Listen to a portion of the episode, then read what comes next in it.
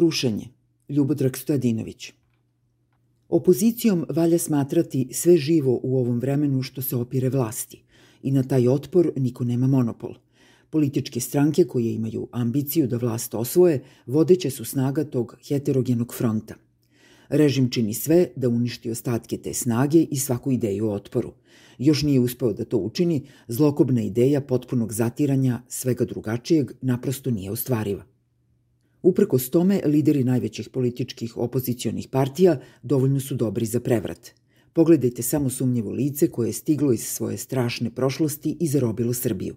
Svaki od njih sa svim svojim manama mnogo je bolji od njega, ali to je problem vrednostne paralele u obračunu sa absurdima. Ovde još ne pobeđuju dobri ili najbolji, čak ni prosečni, nego simptomi višedecenijske radikalske metastaze, rugobni proizvodi teške bolesti. Možda srpska opozicija nije dovoljno odlučno zagazila u smrdljivi glib da bi se sudarila sa svojim protivnikom, zalutalim duboko iza uma i svake zamislive stvarnosti.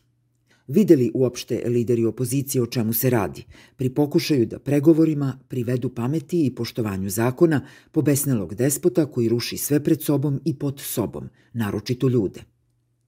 Uveren sam da se sa njim ni o čemu ne može pregovarati ali koga je uopšte briga za moje uverenje? Mogu samo da ga okačim na portal, ubeđen da sam učinio sve što je do mene. Dakle, nije jasno kako pregovarati sa nekim koji unutar ove nesrećne zemlje ne pregovara ni sa kim, pri zlomisli da je carizam koji uspostavlja gotova stvar, a da je obskurni, komični i opasni tiranin nepobediv. Nije vajde boriti se, nije moguće. U stvari moguće svim snagama kojih ipak ima. Usvojiti Beograd, na primer. U Beogradu je možda gotov. Ako na nameštenim izborima izgubi Beograd, čitava trulež se raspada kao pogan na kiši. Princip domina popadaće svuda. Šta će mu Srbija bez Beograda, režim bez njega postaje lešina koja pravi svoje poslednje korake. Tako misle neki ozbiljni ljudi koji poznaju logiku prevrata. No, hoće li on pristati na poraz u Beogradu, čak i ako poraza bude? Misli se da neće. Čuvaće prestonu palanku silom po svaku cenu. Ne sme da se vidi da je veličanstvo golo, jadno i kukavno. Tako se ispada iz istorije i zoologije. Građani neće pristati na takvu krađu i nasilje kojom se čuva. Valjda neće, poniženje bi bilo suviše veliko i konačno. Građanski otpor može da bude raznolik, od mirnih protesta preko masovnih demonstracija do neposlušnosti. Svaka faza ima svoja pravila sve do granice haosa koji bi izazvao posustali monarh kako bi upotrebio silu. Već je uvežbao neprijateljsku policiju za premlaćivanje i razbijanje naroda, uključujući Miletove bande koje su već dolazile u Beograd tuć Srbijance. Nije moguće da sve ponovo bude isto, verovatno ni slično. Niko nije dužan da trpi batine, niti će ih trpeti. Na izborima u unutrašnjosti, pod uslovima koje je zadao vladar, niko osim njega ne može da pobedi. To bi moglo da ide u beskraj, ako se građevina ne stropošta u sobstvenom smradu. Ali neće još neko vreme. Mislim da lideri opozicije mogu lako da se dogovore, mada su jasno vidljive javne nijanse liderskih boljki i sujeta.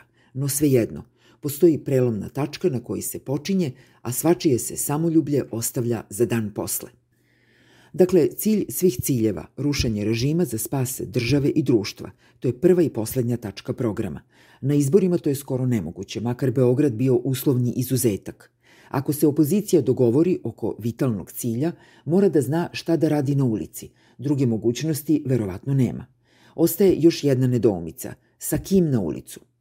Naše pleme davno nije buntovno. Izgleda kao da može da mu radi ko šta hoće.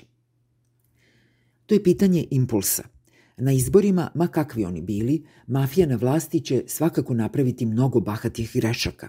Makar jedna od njih će biti neoprostiva, mada na prvi pogled neznatna.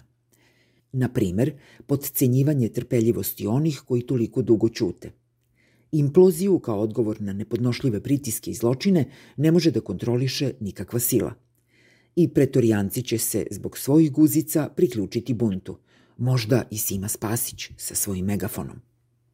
Najlakša mogućnost je da despot na vreme pokupi prnje pare i utekne kod Orbana ili Lukašenka dok još može, ili da podnese ostavku ili se preda policiji ili da utrči patrijarhu dok ne dođu po njega. Grešan sam oče, praštajte, mnogo sam grešan. Svaki moj greh je više struko smrtan. Rušenje tiranije ima mnoge odlike borbe sa nepoznatim onostranim silama. Već smo to radili i moramo ponovo. Sve su sablasti još ovde.